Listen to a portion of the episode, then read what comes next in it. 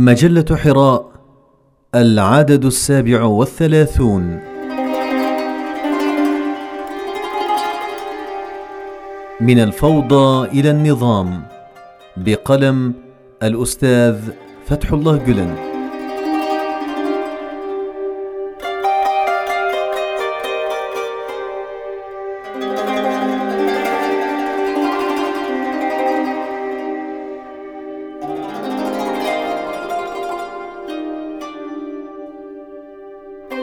إن الانسجام بين الأشياء والحوادث جبري واضطراري وإن النظام بين البشر إرادي ومصدره الأعظم هو مخافة الله سبحانه وتعالى ومهابته.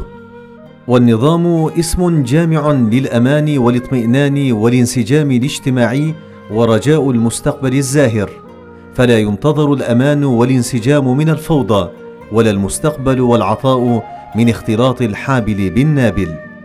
قد يبدو لأول وهلة أن النظام أثر من آثار الإرادة البديهية والعقل المجرد لكن عقلا لم يدخل في طاعة الروح ولم يجتث جذور الالتفات إلى الشر ولم يعل ميول الخير فيه إلى عنان السماء كثيرا ما ينحرف إلى الفوضى. النظام يسود دائما ومنذ خلق العالم فيما عدا الإنسان من الكائنات. الانسجام في حركة الذرات والرونق في وجوه الزهور والتآلف والتوازن بين الموجودات الحية وغير الحية وغمزات النجوم في صفحة السماء الفائضة في قلوبنا شعرا وعواطف والمعاني المنسوجة خمائل على الأغصان والأوراق والأزهار وأنفاس الروح في الحياة نظام فتان يتحكم في كل مكان وكل شيء. نعم إن تأمل الوجدان لحظة واحدة في كتاب الوجود فأبصر لشهد في كل مكان النظام والانسجام فواحا وغنى في الجمال والمعاني مدهشا. ولا تمس الحاجة إلى تحسس شديد الرهافة فالقلب المشحون بشيء من المشاعر يحس كل لون وصورة وصوت ونفس شعرا ونغما متلونا بألوان لا نهاية. في الرعد المهيب كما في تغريد الطيور وزقزقة العصافير وفي وجوه الأزهار الفاتنة كما في أضواء صفحة السماء الساحرة. ومن يدري ما يشهده الذين يتقدمون خطوة إلى الأمام في فيزياء الوجود وكيميائه وحياتياته وفضائياته. فكل شيء يقول النظام الانسجام وكل شيء ينادي بالمعاني الرحيبة في روح الوجود. كل الأشياء من همهمات البحر إلى ضربات القفار الموحشة على أوتار أحاسيسنا ومن السكون الوقور للتلال إلى شواهق ذرى الجبال ومن دوي البحار الدائم إلى نعومة خمائل اللانهاية المرفرفة في أعماق السماء. فكيف طرأ اللانظام الذي نسميه الفوضى على الأرض والنظام ينبجس في كل مكان وفي كل شيء.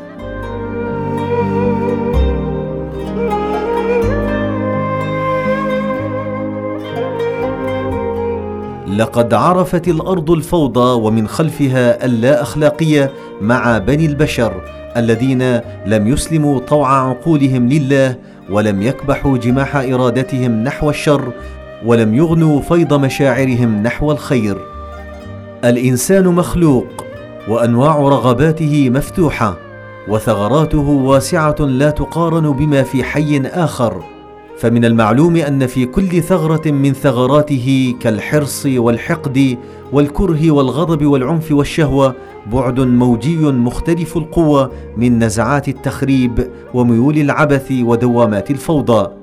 ولا مفر من سقوطه في براثن نتائج غير مرضية ما لم يضبط ويقيد رغباته السيئة هذه بتربية حسنة فيسمو بأحاسيسه الإنسانية ويستجيب للعقد الاجتماعي الضمني المكنون في وجدانه بخواطر الرغبة والطلب والفرح والحزن والحق والحرية مع احتساب وجود الآخرين. ولا بد أن تكون التربية التي تسمو به من درجة إنسان بالقوة إلى إنسان بالفعل ذات أفق لاهوتي ومحور وهبي. فينبغي أن تغذى ثقافتنا الذاتية بورود حدائقنا وعصارات جذور معانينا وأرواحنا لكي لا ترفض من قبل الوجدان الاجتماعي العام والشعور التاريخي. وينبغي أن يتحقق العقد الاجتماعي في أرفع درجة حسب ظروف العصر في إطار ملاحظات الحقوق والحريات لكي لا تفقد قوتها وشدتها وتوقيرها وقيمتها في شباك التعارض والتساقط الذي تعيشه مختلف القطاعات الاجتماعية أو في الدائرة الفاسدة للتحييد الناجم من التناقض. وليس المقصود من العقد هنا سندا اجتماعيا مختوما بتواقيع الرضاء المتقابل في أسفله بل المقصود تعاقد الوجدان المتيقظ إزاء القيم الإنسانية على عقد مرتبط ومحدد باحترام مفاهيم الحق والحرية وحب الحقيقة.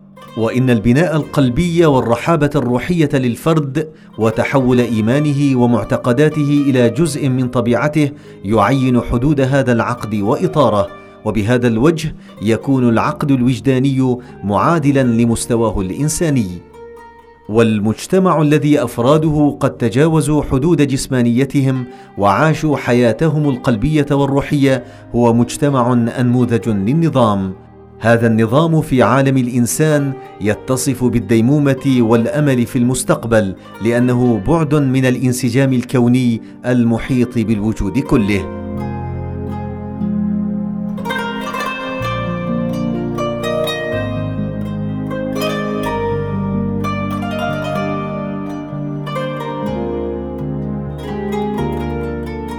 الدولة في عالمنا كربان سفينة مهيمن على القيادة في أهم المراكز الحيوية للكل المتكون من أجزاء توحي بهذه الأخلاق والفضائل.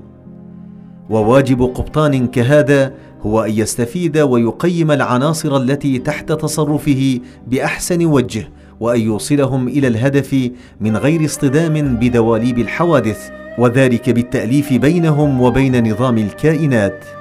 ولا يتصور مجتمع سليم ودولة راقية من أفراد حرموا الفضيلة وجموع تحت إغواء لا أخلاقية. وكذلك الأمل في المستقبل من ركام الفوضويين المعتلين بأمراض عديد من كل جانب ليس إلا انخداعا.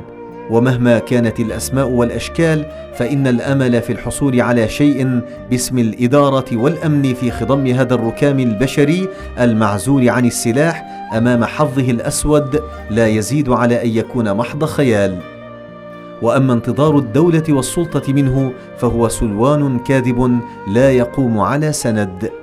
فلا يمكن أن تتحقق الدولة والسلطة إلا بالقصد إلى فكر سام يمنحهما الحياة في المجتمع ويغذيهما وببرمجة كل شيء بموجبه والالتفاف كخيوط المغزل حوله وتلخيصا احتساب الواحد الأحد في كل حملة وفي كل جهد وتلخيصا احتساب الواحد الأحد في كل حملة وفي كل جهد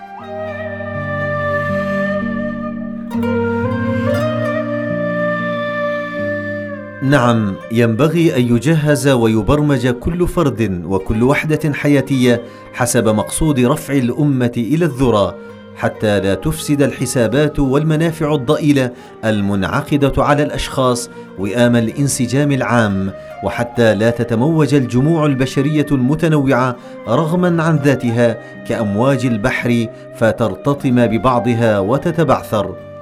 ولقد تحددت هذه الغاية المأمولة بصورة رائعة في زمن سابق بفضل هيمنة روح الإسلام على الحياة فتحقق المسير إلى الذرى وكأنه فعل طبيعي في الحياة وذلك بجعل الأفراد والوحدات المكونة للمجتمع أركان ومستندات للنظام.